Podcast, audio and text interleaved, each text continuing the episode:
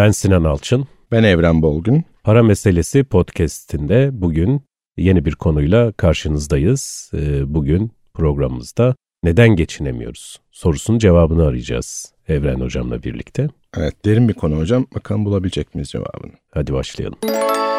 Bu programda yer alan tüm analizler, değerlendirmeler, ekonomik ve finansal bilgiler, yorumlar, tavsiyeler yatırım danışmanlığı kapsamında değildir. Evet hocam. Şimdi neden geçinemiyoruz? Hakikaten bence güzel bir konuyu yakaladım. Ben konu yakalamakta zorlanmaya başlıyorum.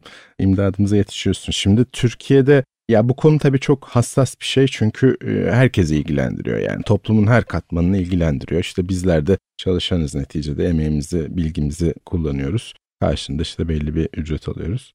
Ama e, şimdi TÜİK verilerinin hepsini tabii ki seni bir anda boğmayacağım ama şundan girmek isterim. Yani en yüksek gelir grubunun toplam gelirden aldığı pay %48'miş Türkiye'de. TÜİK verisi bu gelir dağılımı istatistiği. Yani e, gelirin yarısına yakın diyelim. En yüksek gelir grubu alıyor. Ne yapacağız? Yani neden e, geçinemiyoruz sorusu e, için belki önce geçinmek ne demek? Biraz Hı-hı. onu konuşmak Hı-hı. lazım. Hı-hı. Yani geçinmenin de farklı tanımları var. Şimdi mesela e, Türk İş'in bir açlık sınırı hesabı var. Hı hı. Onun dışında yoksulluk sınırı hesabı var. Şimdi en son e, İstanbul için geçinme tutarı diye bir hesaplama yapıldı. Dolayısıyla bunların hepsi de birbirinden ayrışıyor belli ölçülerde. Onun için geçinmek nedir? Yani geçinmek deyince mesela örneğin İstanbul'da yaşayan diyelim ki e, işte bir bankada çalışan kişi için geçinmek ne anlama geliyor? Ya da onun için e, geçinmenin ifade ettiği anlamla örneğin Bartın'da e, bir otosanayide usta olarak çalışan kişinin geçinmekten anladığı aynı şey mi? Ya da öğrencinin geçinmesiyle bir ev kadının geçinmesi aynı şey mi? Hı hı. E, dolayısıyla buralardan baktığımızda bir muazzam bir ayrışma olduğunu da görüyoruz. Yani rakamların hepsi de bir tutmayabilir ama bazılarını biliyorum da bilmediklerim olabilir. Tahmini yürüteceğim. Çok güzel söyledin. İşte e, biz de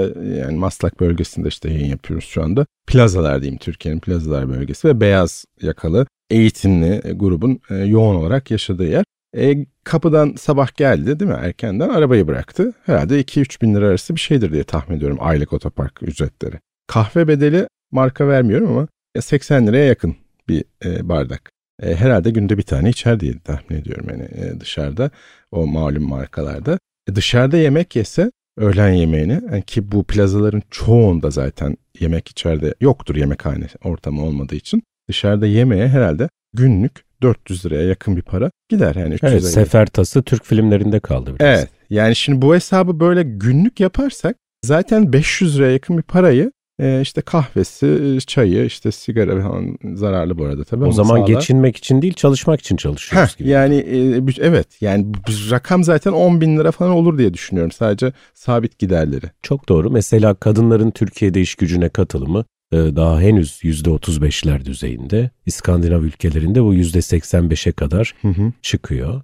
Ne demek bu? Her dört kadından üçü ben çalışmak istemiyorum diyor. Bunun Hı-hı. tabii bir sürü işte sosyolojik kültürel sebebi de var elbette ama Hı. sebeplerden bir tanesi de e, çalıştığı zaman elde edeceği gelirle çalışmadığında e, elde edeceği tasarruf uyumsuzluğu var. Hı. Yani çalışmaya kalksa örneğin çocuğu varsa kim Hı. bakacak? Bakıcı paraları uçmuş gidiyor. İşte ulaşım gerekiyor. Hı. Kıyafetle ilgili harcamalar gerekiyor. Hı e, senin az önce söylediğin gibi öğle yemeği gerekiyor. Belki arkadaşıyla çıkıp bir kahve içmesi gerekecek. Hı hı. E peki bütün bunları harcadığı zaman elde edeceği para e, evde oturmamasına değecek bir para mı acaba? Hazır TÜİK'in sana e, destekliyorum bütün rakamlarla ara ara ki iyice otursun diye e, dinleyiciler e, açısından. Yine TÜİK verisi hocam bu. Hane halkının tüketim harcaması, istatistik verileri tüm Türkiye genelinde yapıyor TÜİK. Hane halkı bütçe harcaması. Yani neye?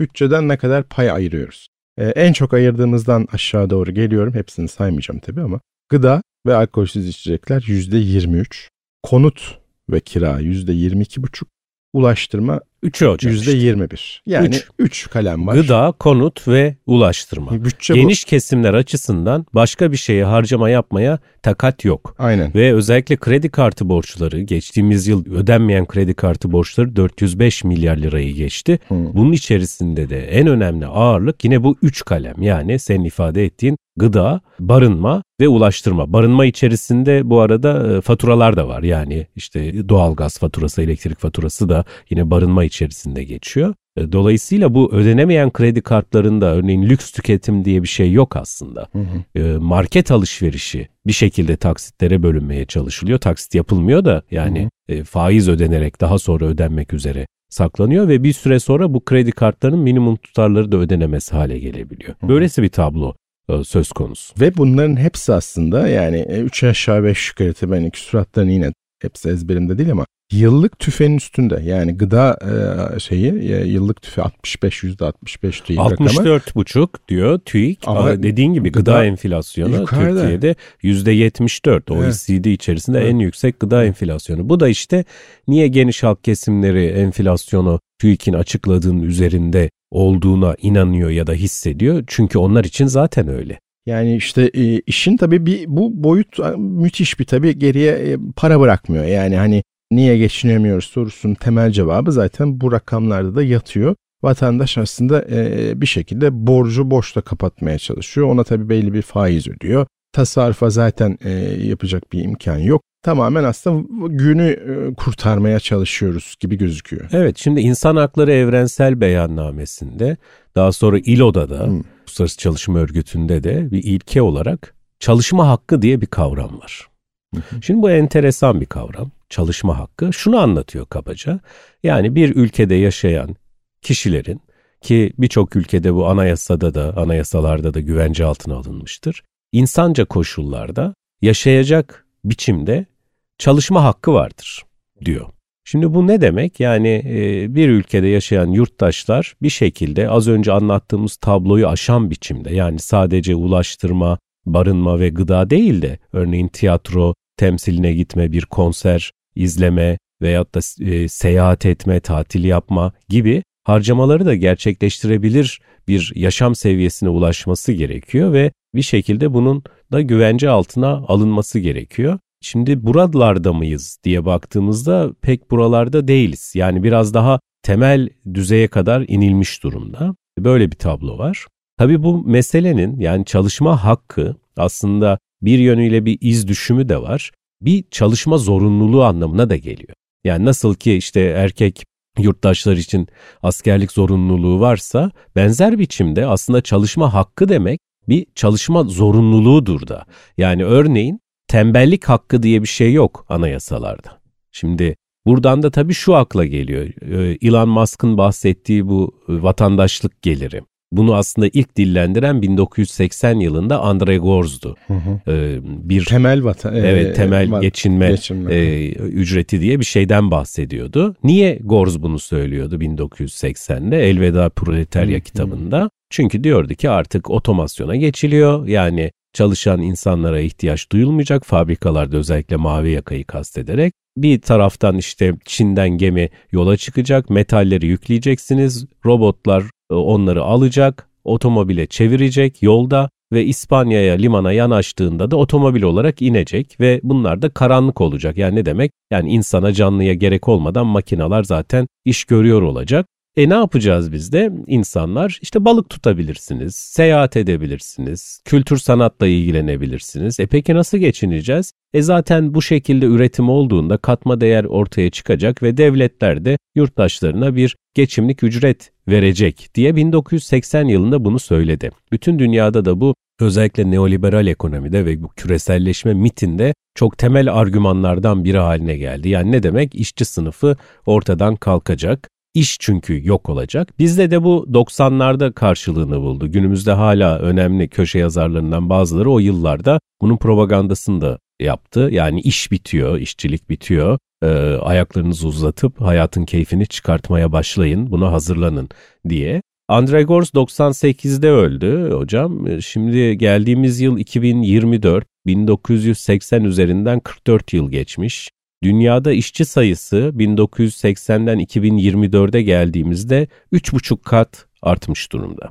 Yani işçileşme devam ediyor. Bu işçileşmeden de şunu kastediyoruz yani işçi sayısının sadece artması değil, normalde daha korunaklı alanda çalışanlar, örneğin mühendisi düşünelim. 70 yılında ya da 75 yılında üniversiteden mezun olup mühendis olan kişi ne yapacak Türkiye'de? Bir kamu iktisadi teşekkülüne girecek. 20 ya da 25 yıl kadın erkek olmasına göre orada yüksek sayılabilecek bir ücretle çalışacak, kömür yardımı alacak, çocuk yardımı alacak, yazın yaz kampına gidecek, orada e, uygun fiyatla tatilini yapabilecek, işte çocuğunu yine o fabrikanın kreşinde bakımını sağlayabilecek. Böylesi bir hayat. Şimdi oradan geldiğimiz yere bakalım. Bugün mühendislik emeğini özellikle yine bu bilgisayar teknolojisindeki gelişim, hızlı bir e-öğrenme süreçleri öyle bir hale getirmiş durumda ki e, mühendisi de işçileştirmiş durumda. Bu diğer alanlar için de geçerli. Yani bankacı da işçileşiyor şu an. Yani işçiliği sadece mavi yaka kol emeği olarak görmemek lazım. Bunu da aslında en güzel ifadesi prekarya. Yani bir yönüyle proleterleşme aslında öyle olmazsa da yani beyaz yakalı olsa da bir yönüyle prekaryalaşmak bu da güvencesizleşmek anlamına geliyor. Yani aslında biz hani çalışıp gelir elde edip sosyal statü elde edeceğimiz şey bizi kendine esir edip bir şekilde bizim tüketim kalıplarımızı az önce konuştuğumuz işte kahve, öğle yemeği, ulaşım biçimi ne ek birkaç şey daha koyabiliriz. Örneğin bir e, spor kulübüne üye olma, işte sürekli antrenman yapma gibi çeşitli ritüeller etrafımızı sarıyor ve biz onların içerisinde sürekli yetişmeye çalışan bir hamster gibi düşünelim. Aynen, sürekli o, o koşan, dönen, dön, koştukça da evet. yetişemediğimiz ve Hı-hı. giderek hızlanan ve bir yer geldiğinde de artık yeter e, dediğimiz ve yabancılaştığımız Hı-hı. bir süreç yaşıyoruz.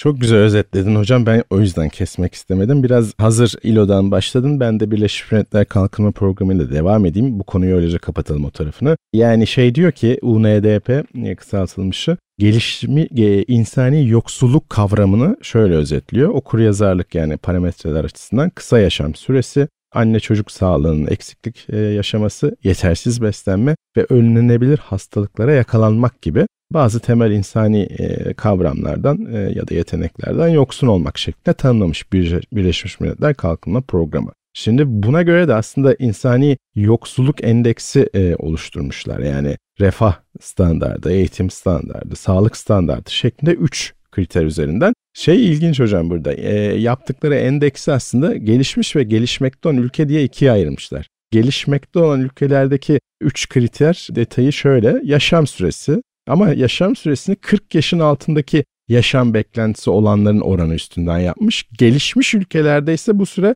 60 yaşın altında e, yaşam beklentisi olanların oranı. Eğitim için gelişmekte olan ülkelere okuma yazma bilmeyen yetişkinlerin oranı derken gelişmiş ülkelerdeki insani yoksulluk indeksinin e, kriteri OECD tarafından tanınan fonksiyonel cahillik oranı. Bak bu çok ilginç kavramsal. Üçüncüsü de her ikisinde makul bir yaşam standardı, sağlıklı içme. Fonksiyonel e, cahillik nasıl oluyor? Şey araçsal cahillik, evet, işe evet. yarayan cahillik gibi mi? yani bilinçli cahil hocam yani.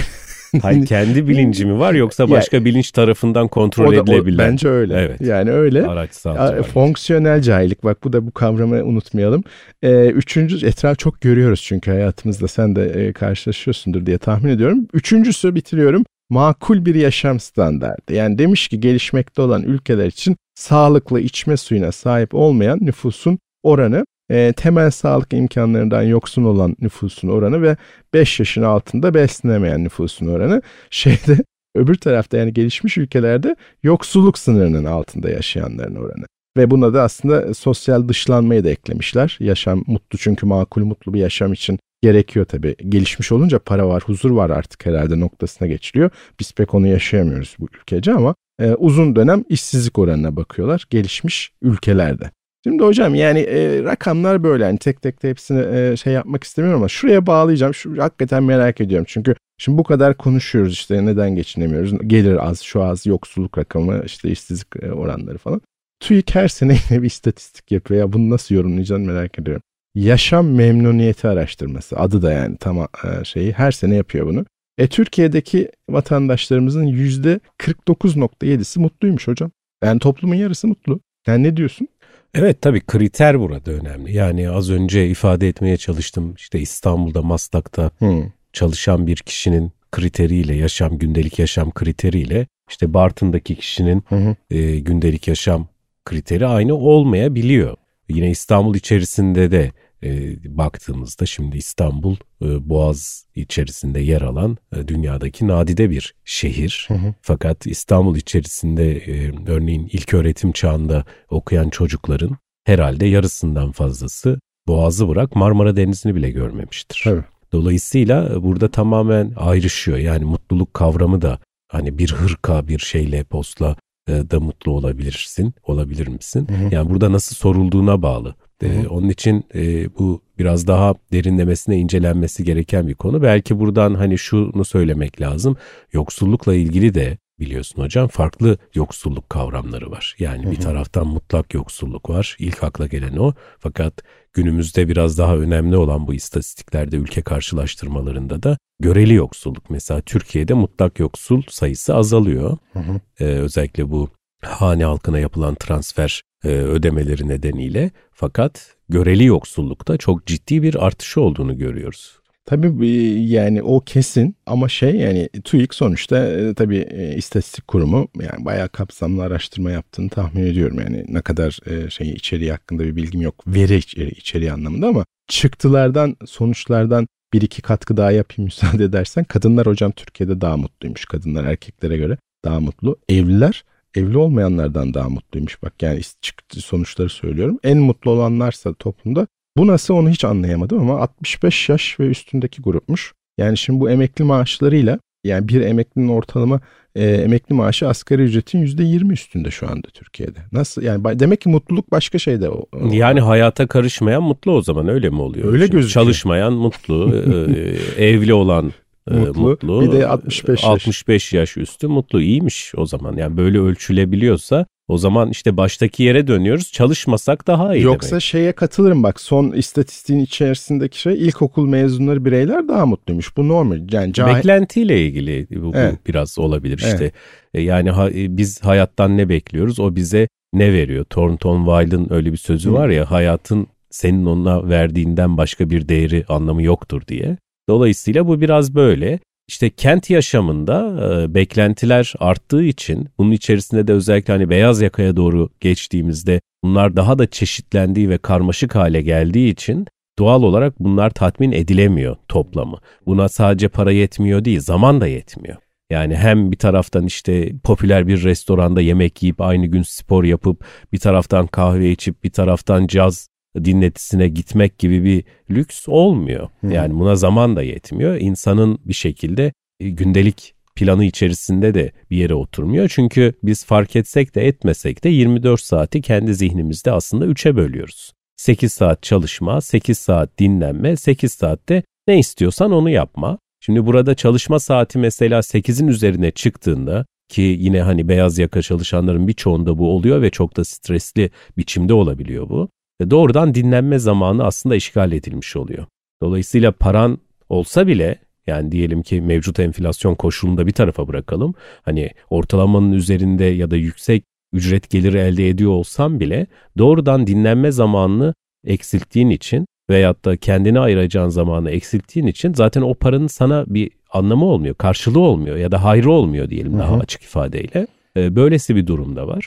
Bu biraz şöyle hani attığın taşla ürküttüğün kuş. Yani hayatın kendisi biraz böyle. Yani ben hani ne elde edeceğim? Peki bunu elde etmek için ben kendimden ne vereceğim? Ve beklentilerim nedir? Hani hep vardır ya günün sonunda yani emekli olup işte Ege'de bir küçük e, kasabada küçük bir ev, bir kayık mümkünse işte balık oltası falan bu mudur? Yani gidilecek yer buysa eğer gerçekten boşa uğraştığımız bir şey de var. Yani bunu baştan da yapabiliriz. En azından yakın bir yer yerde hocam şey kuralım bir tarım komünü e, ve burada topluca yaşayabiliriz. Çok daha mutlu da olabiliriz öyle gözüküyor. Şimdi e, olabiliriz. Tabii mutlu yani bu konuyu da şöyle bağlayayım kapatma anlamında bu tarafa en azından. Ya en büyük mutluluk bu benim fikrim tabii sağlık hocam yani. Sağlıktan daha büyük mutluluk bence hayatta olamaz. Hocam para olmadan sağlığın olma veyahut da sürdürülme ihtimali yok. Ee, bir tek şunu bir eğer paran yoksa sağlığındaki eksilmeyi fark etmeyebilirsin. Çünkü onu fark etmek için de para harcaman Tabii. gerekiyor. Dolayısıyla kendini sağlıklı zannedin. Mesela erkeklerde birinci ölüm nedeni e, dolaşım, kan dolaşım sistemi. Şimdi kan dolaşım sistemi dediğin şey mesela diyoruz ya nasıl öldü? Birden kalp kriziyle öldü. Birden beyin kanamasıyla öldü. Birden dediğin şey bir sonuç aslında. Yıllar içerisinde bir birikim var. E, bir birikim var. İşte kolesterol var, sinir var, stres var, yorgunluk var. Geçinememenin yaratmış olduğu Doğru. dert, tasa, kaygı var. Bunlar birikiyor. Bunlar birikirken sen gidip işte bir vakit veya para ayırıp da kendini kontrol ettirmiyorsun ve günün sonunda artık çözülemez hale geliyor bu mesele. Kaldı ki çok ağır hastalıklar içinde eğer param varsa bunlar bir şekilde kök hücre tedavisi şunlar bunlar farklı yöntemlerle en azından tamamen ortadan kaldırılmasa bile ötelenebiliyor. Ya da gençlik yaşlılık meselesi hocam yani 65 yaş vurgusu yaptın. E paran varsa bir şekilde işte az geçtiğimiz günlerde vardı Seda Sayan işte sünnet derisinden bile hmm kendine estetik yaptırabiliyor örneğin. Evet. Şimdi bunu yaptırabiliyorsan o zaman belki bir taraftan baktığında en azından aynaya baktığında e, o, kadar da yaşlanmamışım diyebiliyorsun. Evet tabi dıştan gözüküyor hocam. İçi, içi önemli bir yandan da diyeyim. Bilmiyorum yani. Ama Seda Sayın haberi ben de okudum ilgi çekici. Şimdi şöyle e, yani son yıllarda yoksullaşarak büyüyoruz hocam. Yani e, tahmin edersin büyüyoruz. Yani rakamlar büyüdüğümüzü gösteriyor. Yani büyümeden kastettiğim ekonomik büyüme tabii. Yani e, büyüdüğümüz gözüküyor. Ama bu büyümenin pasta içindeki paylaşımı maalesef çalışan lehine büyümüyor. Hani o da tam tersi aşağıya gidiyor. Biraz sermaye tarafına fazla e, yüklenildi gibi gözüküyor. O da e, gayri sayfi yurt dışı paylardan biliyorsun. Ama şöyle bir şey yani bu e, yoksullaşmayı da tabii yoksulluk oranını da yukarıya doğru ittiren bir şey. Yani yoksullaştıran bir büyüme içerisinde olduğumuzu aslında ifade edebiliriz. Doğrusu bu değil çünkü yani iktisadi olarak e, çok iyi bildiğimiz bir nokta. Peki yani bunun temel sebepleri son yıllarda yani son 7-8 yılı özellikle özetliyorum yani 2013 sonrası. E burada çok temel bir şey var hocam. Türk lirasındaki değer kaybı hakikaten yoksullaştırmayı hızlandırdığını görüyoruz. Yani TL e, hiç olmadığı kadar yani bunu 40 yıl kadar geriye de gittim yani baktım istatistiklere. Gerçekten çok düşük değerini gördü geçtiğimiz 2022 yılı başlarında işte bu kuru korumayı devreye aldığımız periyotta. Yani demek ki TL'deki yani Türk lirasındaki değer kaybı hikayesini çözmemiz gerekiyor herhalde bu yoksullaşmayı da önlemek açısından. Bir parametre olarak söylüyorum. Bütün e, şeyi çözecek diye değil öyle algılama lütfen. Ama yani bir taraftan da yani yoksulluğun düzeyini e, ve yetersiz toplumdaki e, özellikle genç kesim yani gençlerdeki yetersiz beslenme Türkiye'nin geleceğini çok ciddi olumsuz yönde etkileyecek. Bir taraftan da bu düzensiz biliyorsun göç e, hikayesiyle birlikte önemli bir sosyal hareketlilik problemi de karşımıza çıkıyor bu e, yoksullaşma sebebiyle bence. Evet tabii birikim rejimi değişiyor. E, bu özellikle düzensiz göçmen diye ifade edilen ya da mülteci aslında Uluslararası Cenevre Sözleşmesi gereği mülteci hakkı olması gereken kişiler diyelim. Birçok ülkede bugün için e, problem özellikle Avrupa'da e, sadece İstanbul veya işte Ankara ya da işte İzmir, Gaziantep'e baktığımızda gördüğümüz şeyin çok benzerini bugün İtalya'da, İspanya'da, e, Fransa'da, Almanya'da oradaki şehirlerde de görüyoruz aslında. Bizim kadar yoğun olmasa da. Dolayısıyla e, muazzam bir yapı bozumu var bir yönüyle fakat bir taraftan da bu aslında mevcut üretim rejiminin de odununu taşıyor.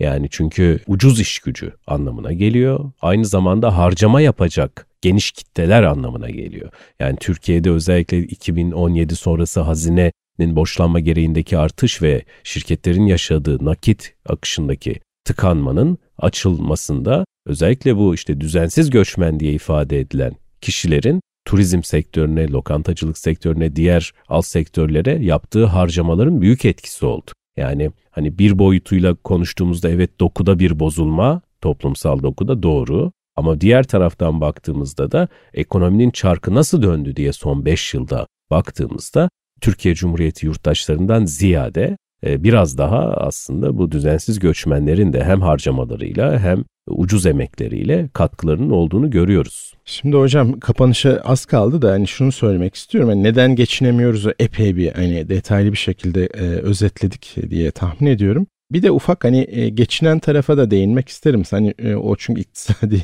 yorumu da var bence. Çünkü enflasyon açık yani resmi tarafta işte 65'te geldi 70'e çıkacağını bekliyoruz hep birlikte 2-3 ay içinde. Yani %70 diyelim yani kabaca yüksek yani oldukça yüksek çok yüksek hatta. Yüksek enflasyon var ama ekonomi dönüyor Türkiye'de yani piyasa makro verilerde işte sanayi üretimi dün geldi e, 6 aydır geriliyor falan hani onlara girmek istemiyorum detaylarına ama hani piyasa gözüyle baktığımızda o tabii piyasa diyeceksin ki şimdi 85 milyonda tabii bizim gördüğümüz e, İstanbul'un hani belli etiler işte maslak vesaire hani belli bölgeler gerçeği de yansıtmıyor onu da biliyorum ama sadece bir gözlem olarak söyleyeyim. Yani yılbaşı haftası daha yeni geçtik üstünden çok canlıydı gerçekten. Trafikten anladım yani girme çıkma eve gitme sürem neredeyse iki katına çıktı neredeyse. Aynı yolu gidiyorum yani bir iki yıldır. E, süre iki katına çıktı ve içerisi e, alışveriş yerleri restoranlar oldukça e, kalabalık olduğunu gördüm. Hani yılbaşı için tabii ki o bütün yılı kapsamaz ama neticede bir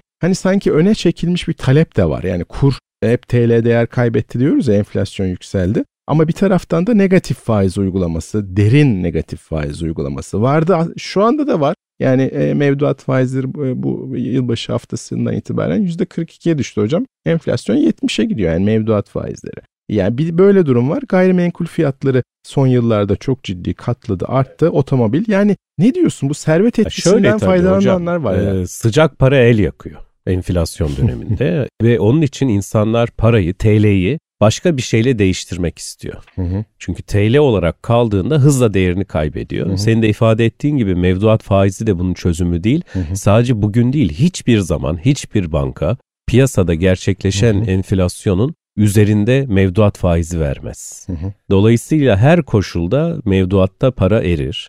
E, fakat bu tip dönemlerde çok daha hızlı da eriyebiliyor. Satın alma gücü anlamında söylüyorum e, nominal olarak değil, reel olarak erir.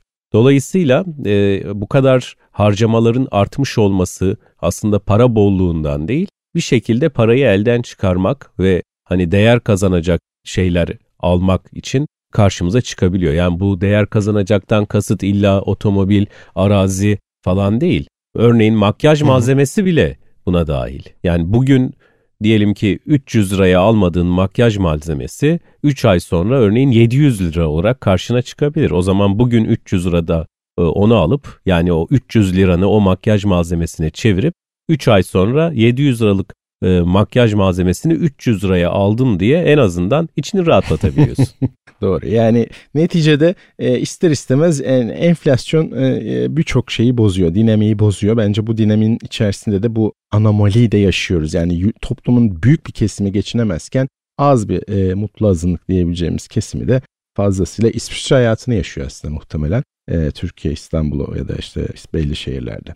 Evet hocam sonlara geldik artık. Kapanışı yapalım mı? Evet yani bugün neden geçinemiyoruz sorusunun cevabını bulmaya çalıştık. Ee, tabii akla ilk gelen yanıt özellikle içinden geçtiğimiz bu 2024 daha doğrusu yeni adım attığımız 2024 yılında enflasyon.